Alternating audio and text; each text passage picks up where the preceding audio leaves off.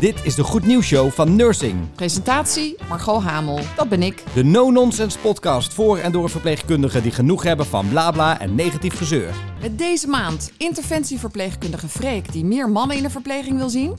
Lisa die ervoor zorgt dat verpleegkundigen bij opname op de verpleegafdeling minder hoeven te screenen. En Astrid die het vratertje ontwierp, een oordecubituskussen. Tot slot Bar, zij staat stil bij het intieme aspect van de verpleging. Let's go! We starten deze maand met het fratertje. Een kussen dat oordecubitus helpt voorkomen. Ontworpen door twee hospiceverpleegkundigen. Wat een gouden idee. En het werkt ook nog. Astrid Broeders, jij bent een van de bedenkers. Hoe kwam je op het idee? Nou, dat was eigenlijk door mijn moeder.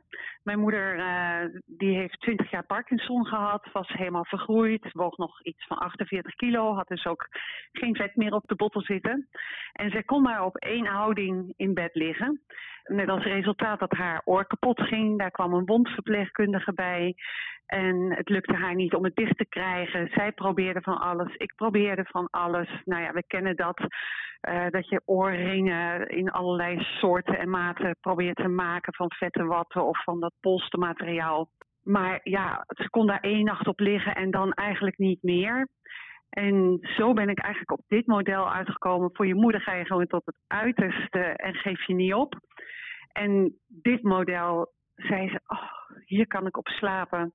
En ze kon inderdaad nacht na nacht na nacht erop slapen. En we zagen dus dat haar wond ging genezen en haar wond is uiteindelijk helemaal genezen. Dus ik denk dat mijn moeder de laatste acht jaar van haar leven op het vratertje heeft geslapen. En in het hospice zagen we natuurlijk ook geregeld mensen die of pijn hadden aan hun oor, dus een dreigende decubitus, of al een kapot oor. Of mensen juist ook met wat veel kraakbeen in het oor. Dus nou ja, daar ging ik dan ook wel wat uh, exemplaren voor maken. Nou, dat was echt nog in elkaar flansen. Hè? Weet je, het zag er van de buitenkant niet uit, maar het functioneerde. En kan je eens uitleggen wat voor materiaal je gebruikt voor het kussentje? Nou, we zijn begonnen met wat we nu dan de home versie noemen. Dus de buitenkant van uh, katoen en aan de binnenzijde gesiliconiseerde holle polyestervezel, een mond vol. um, gewoon super zacht materiaal. En dan aan de achterzijde, zeg maar, die onder het achterhoofd komt, hebben we dan meer vulling. Aan de voorzijde wat minder vulling, zodat de ademweg ook vrij uh, ligt. Dus dat is eigenlijk onze home versie. En dat, zo zijn we er ook mee begonnen. En in de loop van een paar jaar dat we ermee bezig zijn, hebben we ook dus uh, twee professionele versies ontworpen. En de een dan ook gevuld met gesiliconiseerde holle polyestervezel en de ander met draagschuimvlokken. En ja, om een beetje een indruk te krijgen, hè, hoeveel verkopen jullie er nou per maand?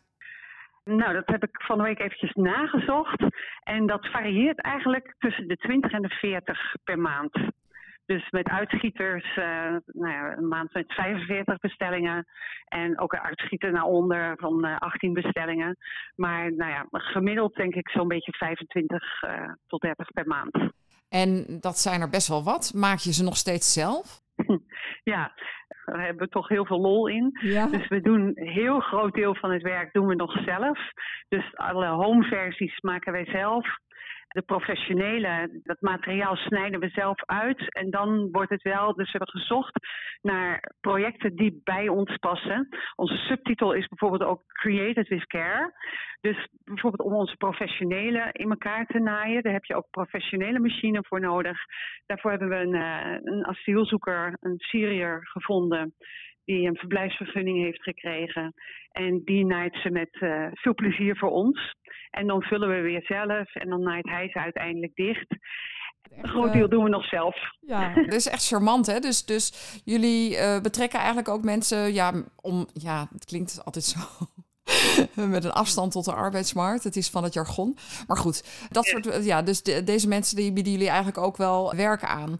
Dat ja. is en dat geeft ook heel veel vreugde. Ja. Het, het, mm. het, kussentje aan zich geeft ons al heel veel vreugde. De reacties die we van mensen uh, ja, toch heel regelmatig krijgen als ze er eindelijk op kunnen liggen. Of hun moeder er eindelijk op kan liggen van oh, eindelijk slaapt ze weer. Dat geeft vreugde. De samenwerking geeft vreugde. En als je dan ziet van ja, zo'n paar van die mooie projecten waar we het uitbesteden. Ja, geeft heel veel vreugde. Het is, het is al met al een project van heel veel vreugde. Ja, nee, maar dat was inderdaad een van mijn vragen van wat haal je eruit? Maar het geeft gewoon energie, begrijp ik, om uh, ja, ja, misschien ook wel goed te doen. Uh, verdien je er veel geld mee? Nou, nee. uh, als je ziet hoeveel tijd we eraan besteden, weet je, al is het alleen maar een rol stof knippen, spelden, lokken, omzomen, naaien. Dat alleen al is natuurlijk arbeidsintensief. Ja.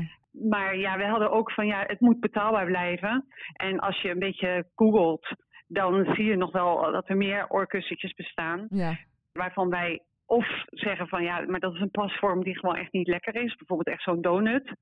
Dus dan heb je gewoon niet de lekkere ondersteuning in iemands nek.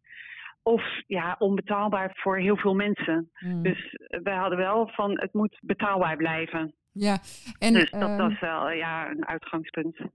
is het oorkussentje ook handig voor andere patiënten? Nou ja, wat we tegenkomen, want we hebben natuurlijk in de, in de palliatieve zorg, of nou ja, bij mijn moeder dan met een wond, daar zijn we mee gestart en daar doorontwikkeld, ook het model echt verfijnd.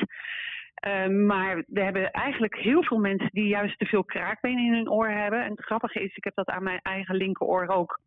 En ik heb in de tijd dat ik het voor mijn moeder had gemaakt, nooit gedacht van laat ik er eentje voor mezelf maken. Totdat we eigenlijk in het hospice gewoon ze gingen gebruiken. En dat we moesten uitproberen van ja, hoeveel vulling moeten we er nou werkelijk in hebben. En toen ontdekte ik van oh, maar dit is heel erg fijn voor mijn uh, linkeroor. Dus uh, als ik op links slaap, dan uh, ligt er een vratertje onder en lig ik op rechts niet. Dus bij mensen met te veel kraakbeen. En heel grappig, sinds kort ineens een aantal achter elkaar mensen met een medische oorpiercing. Dus die kunnen ook niet heel lekker op hun kussen liggen. Wat is dat, een medische Ehm, oorpiercing? Ja, voor mensen die bijvoorbeeld uh, migraineklachten hebben, nou ja, daarvan zeggen ze, maar dat is helemaal, uh, helemaal nog niet evidence-based, maar dat ze daarmee de nervus vagus met zo'n piercing kunnen triggeren. Dus die hebben dan zo'n ringetje in hun oor. Uh, Oh. Het ziet eruit als een sieraad. Maar goed, een ding wat in jouw oorschelp zit, daar kan je niet lekker op liggen. Nee. Dus die vinden ons ineens sinds twee maanden ook. Opeens heb ik een hele andere vraag uh, die me naar boven komt nu ik met je praat. Waar komt het fratertje, Ja. die naam eigenlijk vandaan?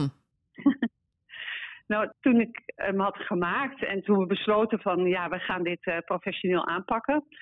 Toen uh, zaten we natuurlijk ook met een naam van, ja, weet je, we, dacht, we dachten nog niet eens aan een bedrijfsnaam, maar van hoe gaan we dat ding noemen? En we hadden zoiets ja, het moet of Engels of in het Latijn, zodat stel je voor dat we ook nog boven de, buiten onze grenzen komen. Nou ja, dat is niet, zeg maar, qua naam niet helemaal geworden, maar ik heet Nee. Broeders met mijn achternaam. Ja. En in het Latijn is een broeder is een frater. Oh, En omdat je natuurlijk de, de Jantjes en de Japies hebt. En dan weet iedereen in de verpleging waar je het over hebt. Hadden we zoiets van, nou, het moet net zo cozy eh, klinken als een Jantje en een Japie. Nou ja, en toen werd het een fratertje vanwege eh, broeders. ja, het is een mooi voorbeeld van verpleegkundig ondernemerschap. Als ik nou luister en denk, ik wil meer informatie over het fratertje, waar kan ik dan terecht? Nou, dan ga je naar www.nightingales.nl. En dan krijg je meer informatie. Hartstikke goed. Dankjewel voor je tijd en heel veel succes met dit mooie product. Dankjewel, graag gedaan. Oké, bye. Geen afvinklijstjes meer, maar als verpleegkundige zelf goed kijken. Lisa Zuidman is verpleegkundig onderzoeker in het Sint-Antonius ziekenhuis in Nieuwegein en onderzocht of de screeninglijst voor de verpleegkundige anamnese kan worden ingekort. En het antwoord is... Jazeker. Nou, oké. Laten we bij het begin beginnen. Uh, Mhm. Want ja, ik zat eigenlijk te denken... ehm, hebben verpleegkundigen eigenlijk zo'n hekel aan screenen? Een hekel aan screenen, ik denk niet per definitie, maar wel als het screenen niet het doel dient wat het zou moeten dienen. Nee, nee en want er wordt natuurlijk ontzettend veel gescreend. En er onderzoek heeft ook uitgewezen dat er relatief veel tijd in gaat zitten. Hè? Ik begreep dat jullie ook meedoen aan ontregelde zorg, hè? Ja, dat klopt, zeker. Ja. En daar ja. valt dit project onder, denk ik? Ja, dus in 2021 uh, zijn wij toen aangehaakt bij de Ontregelbus. Dat was een initiatief vanuit het uh, ministerie uh, VWS. Ja. En vanuit daar zijn wij aangehaakt met een groep verpleegkundigen uit het Sint-Antonius ziekenhuis. Ja, jij bent ook lid van de VAR, hè? Zag ik. Ja, dat klopt zeker. En ja. liep, dat, liep dat dan via de VAR of was dat weer een ander, uh, andere lijn? Uh? gedeeltelijk. Want zelf ben ik dus verpleegkundig onderzoeker. Ja. En heb ik voor een uh, afstudeerstage ben ik al met het thema verpleegkundige risicoscreening bezig geweest. En in het verlengde daarvan kwam eigenlijk dit op ons pad. Hadden we de verpleegkundige risicoscreening al ergens in het vizier. En toen is het eigenlijk heel mooi samengekomen dat we vrijblijvend en eigenlijk gratis konden deelnemen aan dat project. En daardoor uh, een hele mooie sessies hebben gehad om uh, het thema verpleegkundige risicoscreening te gaan ontregelen. Wat heb je precies onderzocht? Nou, wat we hebben onderzocht is uh, of het mogelijk is om de werkwijze van de verpleegkundige risicoscreening bij opname, die verpleegkundigen bij de anamnese afnemen, denk aan uh, de fysieke beperkingen en de MUS bijvoorbeeld of het valrisico, om die aan te passen en te wijzigen naar risicogestuurd screenen bij opname. Dat klinkt weer als een nieuwe term, denk ik, voor de meesten. Ja. Maar het doel van, deze, van deze, deze manier van screenen is dat de registratietijd daadwerkelijk ook bijdraagt aan de kwaliteit van zorg die de verpleegkundigen leveren op de afdeling. En daarnaast ook dat we echt op het huidige niveau van uh, kwaliteit van zorg daarmee zouden blijven. Want we merkten dat screenen is toch vaak tijdrovend. En uh, er wordt niet altijd evenveel gebruik gemaakt van de kennis en expertise van verpleegkundigen. Waardoor verpleegkundigen daarnaast ook niet altijd als toegevoegde waarde voor die kwaliteit van zorg ervaren. En dat is natuurlijk, ja, dan wordt het al sneller als een registratielast ervaren. Terwijl je eigenlijk wil dat het bijdraagt aan het zorgproces voor verpleegkundigen en daadwerkelijk als een nuttige registratie ervaren wordt. Dat was eigenlijk het doel van de pilot uh, die we ingericht hebben. En, en hoeveel uh, screeningsitems waren er? Zijn er? Nou, in totaal komt dat neer op uh, 23 vragen die daar uh, gescreend werden bij opname. En dan kan je uh, nog aan een uitsplitsing van de 70-plus en de 70-min patiënten ja. denken. Want de verplichte screening voor de 70-plus patiënt bestaat natuurlijk uit een uitgebreidere vragenlijst. En bij de 70-min was alleen de MUST bij opname daadwerkelijk een, een VMS-verplicht criteria. En, um, want hoe ging je dan te werk? Hè? Ik kan me voorstellen dat, uh, nou ja, weet je, als je een bepaald soort patiënt uh, krijgt, dat dat screening op vallen heel logisch is. Maar kan je eens uitleggen hoe die pilot nou werkte? Ik... Ja, uh, zeker. Nee. Als je, om een voorbeeld te noemen, ik kan wel een casuïstiek noemen waarbij, ja. waarbij verpleegkundigen, waarbij je zou kunnen denken van, hé, hey, is deze screening zoals die nu ingericht is van toegevoegde waarde? Ja. Denk aan een uh, verpleegkundige die op de traumageriatrie werkt. En uh, er komt een uh, patiënt van de spoedeisende hulp. Die, komt binnen met een heupfractuur. Deze patiënt is dus gevallen. En bij voorbaat ziet de verpleegkundige al in het dossier staan dat die patiënt gevallen is. En daarbij dus al bedenkt, deze patiënt heeft dus eigenlijk een verhoogd valrisico. Want die is bij vooropname eigenlijk al gevallen. Die zet eigenlijk al interventies in. Die vraagt een verlaagd, val, verlaagd bed aan en een valmat bijvoorbeeld. En vervolgens komt de patiënt op de, op de afdeling. En dan uh, popt zo bij de anamnese de vragenlijst voor onder andere valrisico op. En dan staat, uh, wordt de vragenlijst ingevuld, uh, de vragen die er gesteld worden. En dan komt er vervolgens natuurlijk een verhoogd valrisico uit.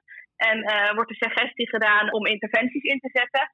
En dan denkt de verpleegkundige, ja, die interventies heb ik eigenlijk al ingezet.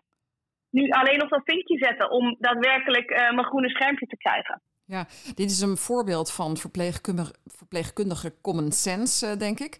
Uh, zijn ja. er nou, heb je ook een, een casus of een voorbeeld waarbij je klinische blik uh, belangrijk is? Dus het moment van screenen, zeg maar.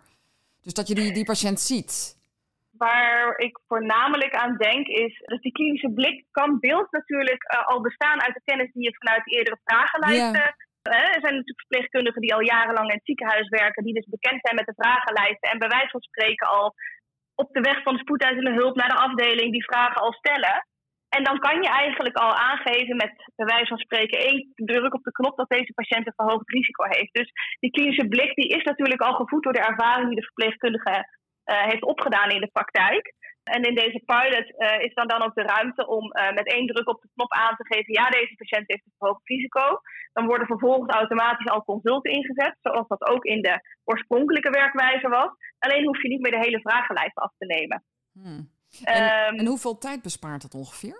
Nou, dat is een goede vraag. Dat hebben we uh, bewust niet op die manier gemeten. Wel in het ontregeltraject en kwam er over een week tijd bijna uh, 45 uur als je over, de hele, over een hele afdeling keek. Mm-hmm. Maar waar we voornamelijk hebben gekeken en uh, ook uitgevraagd in een enquête is of de verpleegkundige het als een nuttige registratietijd ervaren. Want ja. het is niet per definitie zo dat we in deze pilot niet meer gaan screenen. Dat was echt wel iets wat we uh, in het ziekenhuis duidelijk moesten uitleggen aan iedereen, maar dat we voornamelijk anders gingen screenen en waarbij gewoon de ruimte die de verpleegkundige kreeg om een keuze te maken van heb ik die vragenlijst nodig om, uh, om dat risico in te schatten? Of kan ik dat ook bij mijn klinische blik? Maar voornamelijk ook die ruimte geven aan de verpleegkundige om zelf die keuze op keer te kunnen maken. Ja, dan komen we bij de resultaten. Uh, ja. wat, wat, vonden die verpleegkundigen van de nieuwe manier van screenen? Nou, we hebben uh, voorafgaand aan de pilot hebben we de, ook aan de verpleegkundigen gevraagd hoe zij de werkwijze zoals die toen was ingericht ervaarde. En daarin hebben we gekeken naar onder andere de tevredenheid met de werkwijze, maar ook de ervaren autonomie met de werkwijze. En voornamelijk ook de balans die ze ervaren tussen de registratielast en wat het daadwerkelijk ook oplevert voor de patiënt. En uh, wat wel ook heel erg opvallend was, vonden wij om te zien, is dat de ervaren autonomie voorafgaand aan de pilot, dat die 22% was. En uh, na de pilot, na twee maanden, gestegen was naar 86%. Hmm. Dus dat liet wel echt zien, evenals met de tevredenheid van de werkwijze, die was van 54 naar 97 procent gegaan. Dus eigenlijk alle pilotafdelingen, we hebben drie pilotafdelingen geïncludeerd in, de, uh, in, in het onderzoek. En eigenlijk allen gaven na afloop aan, we willen blijven werken met deze nieuwe werkwijze. Want dit uh, faciliteert ons veel beter en hier uh, worden wij ook serieus genomen in onze expertise en autonomie ja, ten opzichte van ons werk op de werkvloer. Welke afdelingen waren dat?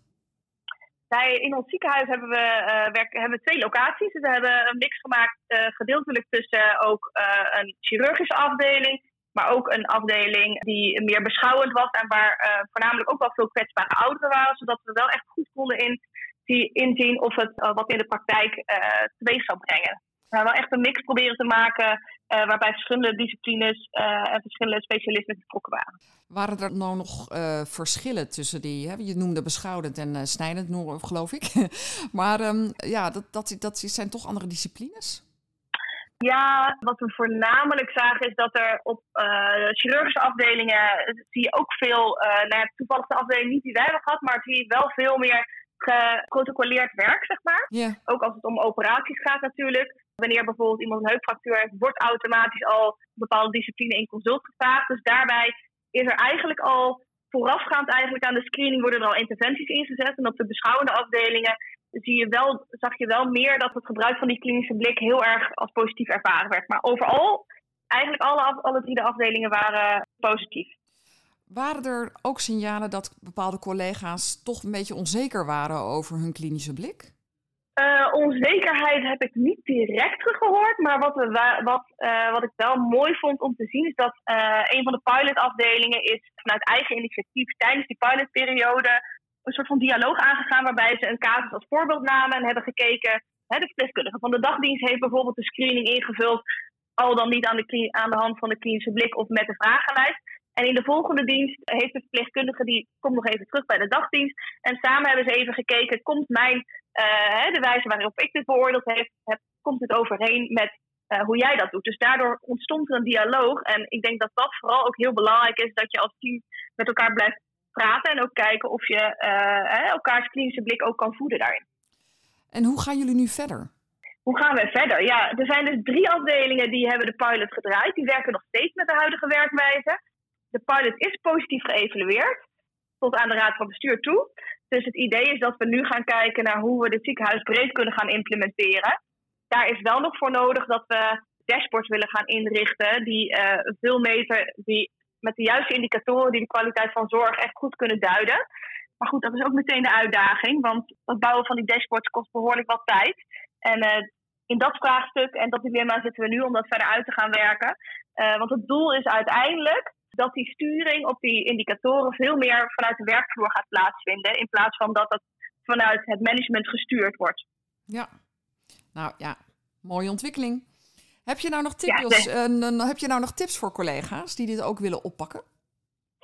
Er zijn al wat ziekenhuizen die ons, waar we contact mee hebben gehad. Dus uh, mochten er uh, afdelingen zijn of ziekenhuizen die ook hiermee aan de slag willen, dan kunnen ze mij sowieso benaderen. En anderzijds zou je ook nog eens kunnen kijken, wij zijn natuurlijk begonnen met uh, ontregelde zorg en het ontregeld traject. Daar is ook nog een heel mooi boek van, waarbij je eigenlijk überhaupt zelf naar je eigen afdeling kan kijken van, zijn er nou regels waar ik tegenaan loop die mij frustratie opleveren? Hoeveel tijd kosten deze regels en dragen deze daadwerkelijk ook bij aan de kwaliteit van zorg? Zijn die verplicht opgelegd vanuit extern of hebben we die als afdeling of ziekenhuis zelf bedacht? Dus alleen al door op die manier kritisch naar je eigen zorg te kijken, kan je dat balletje al laten gaan rollen. Nou, dankjewel voor je uitleg. Inspirerend, denk ik zo. En ja, ik denk dan, uh, stel dat ik luisteraar zou zijn, hè, ik zou gewoon even op LinkedIn zou ik jou gewoon opzoeken. En dat is Lisa Zuidman met twee keer een S. Dus Lisa is met een S en Zuidman is ook met een S. En zij staat gewoon op LinkedIn. En dan kan je haar gewoon uh, gaan volgen en, en, een, en een virtueel linkje doen. En dan, nou, dan, dan veranderen we de hele wereld. Dankjewel, Lisa. Graag gedaan, dankjewel. Ik spreek met Freek Blom, interventieverpleegkundige in UMC Utrecht. Samen met bevriende verpleegkundigen richtte hij het mannennetwerk verpleegkunde op. Initiatiefnemer van het netwerk was vreemd genoeg niet een man, maar een vrouw. Freek, wat maak je me nou? ja, klopt. Wij, zijn, wij zijn met z'n vieren gestart een, uh, een tijd geleden. De, het initiatief kwam oorspronkelijk, uh, en vooral de inspiratie kwam oorspronkelijk uit, uit de techwereld. Daar is een heel groot netwerk voor vrouwen die in de ICT werken. En toen keken wij naar ons eigen vak. We zijn alle vier verpleegkundigen en hebben daar ook ervaring in natuurlijk. En toen vonden we het eigenlijk gek dat dit niet voor mannen in de verpleegkunde was. Want uh, wat de tech heeft voor vrouwen is, is, is bij, de, bij de verpleegkunde eigenlijk een beetje uh, bij mannen aan de hand. Het is een vak wat gewoon niet zo populair is uh, onder, onder mannen. En dat vinden we eigenlijk heel gek. want de mannen kunnen hier, hier prima terecht. En het is natuurlijk een prachtig vak. En wij zagen hier de kans om, om, hier, om hier in te stappen en ons vak te promoten. Jij werkt zelf op de hartkatheterisatiekamer. Hoeveel verpleegkundigen, hoeveel mannelijke verpleegkundigen zitten in dat team? Ja, het verschilt ook wel een beetje per ziekenhuis hoor. Ik kan natuurlijk alleen iets zeggen over, ja. vooral over het UMC Utrecht waar ja. ik zelf werk. Ja. wij hebben een vrij, vrij divers team in dat opzicht. Dus we zitten ongeveer half man, half vrouw, 50, 50 procent. En dat is wel vrij uniek hoor. Ook voor de HCK zelfs. ik, uh, ze zeggen vooral dat de mannen op de acute afdelingen terechtkomen vaak. En daar zie je ook percentueel wel een hoger aantal mannen. Maar ja, goed, ook in andere teams heb je voornamelijk vrouwen, ook in andere teams op de HCK. Dus het hoeft niet heel veel te zeggen. Nee, ja, ik vroeg mij af, hè, want stel nou dat je zou zeggen, nou bij ons werken er maar twee mannen op, op 25 vrouwen of zo. En dan, want ja mijn vraag is eigenlijk, wat, wat, maakt het uit voor de sfeer? Of ja, voor wat er gebeurt op een afdeling, dat er, een, dat er meer mannen zijn? Nou ja, uh, het brengt wat andere dynamiek in het team. En, um, en dat hoeft natuurlijk uh, niet per se aan die mannen te liggen. Het kan de andere teams natuurlijk ook uh, zeer aanwezig zijn. Maar je merkt toch wel op de werkvloer en je hoort vaak van andere verpleegkundigen dat het toch wel fijn is om een man te hebben. Die, die, die toch iets anders naar, naar, naar zaken kijkt. En wat en, is dat dan? Maar hoe, hoezo kijken ja, dat anders? Is, uh, ja, het is lastig te zeggen. En ik vind het ook moeilijk om, uh, om, om, om te verwoorden. Maar toch uit de praktijk hoor je, hoor je die verhalen wel veel. En ik denk daarom dat de man ook wat andere dynamiek meebrengt vooral. Wat ik ook vooral uh, even daarbij wil aanstippen, is, is, is, is, dat we natuurlijk te maken met patiënten binnen de verpleegkunde. En, en wat een van onze doelen ook is van de stichting, is om, um, om een afspiegeling te worden van je patiëntenpopulatie. Niet alleen vrouwen willen worden ziek en je hebt ook natuurlijk mannen die zorg nodig hebben. En het is voor die mannelijke patiënten toch soms wel fijn om een, om een mannelijke verpleegkundige aan bed te hebben. En is dat dan omdat ze op een andere manier praten met mannen? Of omdat je als man onderling elkaar beter begrijpt? Kan je dat eens uitleggen? Ja, soms, uh, soms heb je bepaalde onderwerpen die, die je als man zijnde wel beter kan aansnijden. We merken ook bijvoorbeeld, vaker dat bijvoorbeeld jonge traumapatiënten, jonge mannen die, die met een scooter bijvoorbeeld een ongeluk hebben gehad en toch wat sensitievere delen van de zorg misschien makkelijker bij een mannelijke verpleegkundige kunnen bespreken dan bij een vrouwelijke verpleegkundige. En, en dat horen wij ook vaak. Dus daar kan een man, denk ik, binnen de verpleegkunde ook mooi instappen. Nou ben jij voorzitter hè, van het mannennetwerk verpleegkunde. Wat willen jullie met het netwerk bereiken? Ja, het ultieme doel is uh, dat wij naar de 30% man gaan. Uh, het huidige percentage is in Nederland 13%. Uh, en en dat, is, dat is vrij laag, ook als we kijken naar andere percentages in andere delen van de wereld. En wij hebben specifiek die 30 gekozen, omdat wij dan denken dat we, dat we zo'n impact hebben gemaakt op het stigma, dat, dat het eigenlijk geen rol meer speelt. En dat mensen vooral kijken naar verpleegkunde als een, uh, als een goede carrièrekeuze en ook een mooi vak om in te werken. Uh, dan hebben wij als stichting ook gezegd, nou, als, als wij die 30% hebben behaald, dan, uh, dan stoppen wij ermee. Oké, okay. dat is... Als, dat is... als stok achter de deur. Ja, afijn tot aan je pensioen. Ja. nee hoor, ja, ja, hopelijk niet, hopelijk nee, niet nee, natuurlijk. Nee, nee, dat is een geintje. Nee, dat geintje, nee. Jullie zijn er gaan hard mee aan, de, aan de slag. Hoe verklaar jij overigens dat het, uh, het heeft waarschijnlijk toch met het imago van verpleegkundigen te maken, denk ik, dat in het buitenland er meer mannelijke verpleegkundigen zijn. Hoe zie jij dat? Ja, klopt. Uh, ik denk dat het, dat het vak verpleegkunde in dat opzicht gewoon een beetje is, is blijven hangen. Het, uh, het wordt eigenlijk gezien als, een, als een vrouwenvak en wel heel interessant is het als je juist de, de professionele uh, populatie spreekt. Echt, echt de verpleegkundigen zelf dat ze dat wat minder hebben. Ja. Uh, maar juist vooral, vooral de mensen uh, die niet zozeer in aanraking komen met de zorg, die hebben dat idee een beetje. En dat komt een beetje hè, door de media. Nou, er zijn verschillende plekken waar dat beeld wordt versterkt. en daar werken wij als verpleegkundigen allemaal denk ik heel hard aan hoor. Je hebt af, af en toe heel, heel veel goede initiatieven die dat proberen te doorbreken. Maar dat maakt uh, denk ik ook dat veel jonge mannen uh, die een studie moeten kiezen, toch niet aan verpleegkunde denken. Nee. En dat is natuurlijk heel jammer. Terwijl ze, uh, als, als ze dat bijvoorbeeld wel zouden doen, zien dat het gewoon een super divers vak is. Waar mannen een prachtige carrière kunnen hebben. Zeker. Um, hoe ja. willen jullie die mensen bereiken? Nou, vooralsnog willen wij vooral de jeugd bereiken. En dan bedoel ik mee de studenten, hè, de, degene die een studiekeuze moeten maken. En dat doen wij door uh, ons vak te vertegenwoordigen. Uh, op elke open dag proberen we een plekje te bemachtigen om daar uh, te vertellen over ons vak. Daarnaast zijn we op social media ook heel actief en hopen we daar ook een plek te kunnen creëren waar, waar we het verhaal kunnen geven aan de mannen. Dus de mannelijke verpleegkundigen die, die, die echt vertellen over hun vak en wat hun vak zo mooi maakt. Ja, nou ben ik zelf, um, ik ben van nursing hè. En um, ja. vind jij dat er genoeg mannen in nursing staan? Oeh, dat is een goede vraag. Ik denk dat er heel veel mannen zijn die, die prachtige verhalen hebben uh, over de zorg. Dus uh, daar mogen zeker wat meer mannen in nursing, ja. nou, um, ja, dat gaat gebeuren. Hè. Er komt een uh, nummer aan waar we aandacht besteden aan mannen. maar goed, ja, ja. nee, maar ik snap helemaal, het is een serieus onderwerp. Ik doe een beetje ja. lacherig, maar het is helemaal niet grappig. Hoeveel aanmeldingen hebben jullie nu eigenlijk? Want als je die scholen wil benaderen, dan heb je best wel wat mannetjes nodig, denk ik. Zeker weten, ja. We, het is prachtig om te zien. We zijn kort geleden live gegaan en uh, we hebben al redelijk wat aanmeldingen gekregen van uh, enthousiaste mannen die, uh, die mee willen werken aan ons netwerk. En dat is natuurlijk super fijn. en we zijn ook zeker op zoek naar, naar meer mannen. En vooral elke regio heeft natuurlijk een bekende verpleegkundeopleiding. Of het nou ROC is, MBO of HBO, dat maakt natuurlijk niet uit. Nee. En wij zoeken zeker, zeker nog mannen die in hun regio graag hun, hun beroep willen vertegenwoordigen. Dus we zijn altijd op zoek naar, eh, naar meer connecties. En het is natuurlijk heel mooi, want een van onze doelen is ook om een mooi netwerk op te bouwen van mannelijke verpleegkundigen. En uh, daar hebben we een mooie slag mee geslagen sinds onze livegang. Uh, maar we kunnen altijd meer uh, aanmeldingen gebruiken. Hoeveel mannen zitten er nu in het netwerk? Daar ben ik toch benieuwd naar. Ja, dat snap ik. ik heb niet helemaal de laatste cijfers meer, maar volgens mij zitten we nu rond, rond de 30 ongeveer.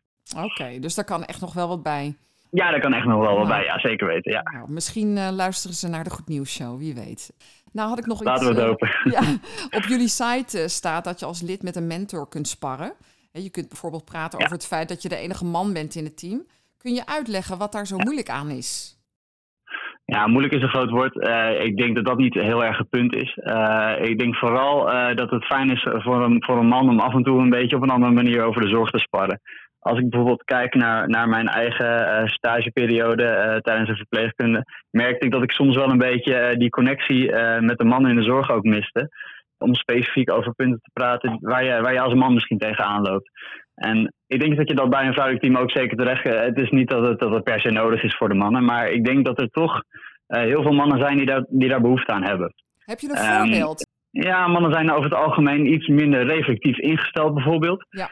En uh, tijdens de opleiding bijvoorbeeld uh, wordt daar heel erg op gehamerd. Hè, reflectie en reflectieverslagen. En heel veel mannen specifiek, die, die haken daar toch wel minder op aan. En ja. die merken dat ze liever op een andere manier processen. En uh, daar kunnen wij denk ik met ons zorgnetwerk, met mannen met ervaring ook in de zorg, toch een beetje op instappen. Dat, dat je, dat je een, misschien een andere weg kan bieden aan die mannen om, om hun, hun ei kwijt te kunnen over het vak. Hey, wat kost het eigenlijk om aan te sluiten bij het netwerk? Gratis. Het mooie van die stichting is, uh, is, is dat, het, uh, dat het allemaal op vrijwillige basis is. En natuurlijk proberen we hier en daar wel, wel wat gemoedkomingen te geven. Maar uh, ons voornaamste doel is om het vak zoveel mogelijk te promoten. Ja. Oké, okay, duidelijk. Waar moet ik zijn om me aan te melden? Goeie vraag. Um, je kan naar onze website mnv.nl. En wij zitten op LinkedIn en Instagram. Daar kun je ons volgen. En daar posten we regelmatig ook blogs van mannen die hun ervaring willen delen in de zorg. Oké, ik wens jullie heel veel succes ermee. Ja, super. Bedankt, Margot. Komt goed. Oké. Wil je ook meedoen met de Goed Nieuws Show? Mail dan naar margot.hamel.bsl.nl.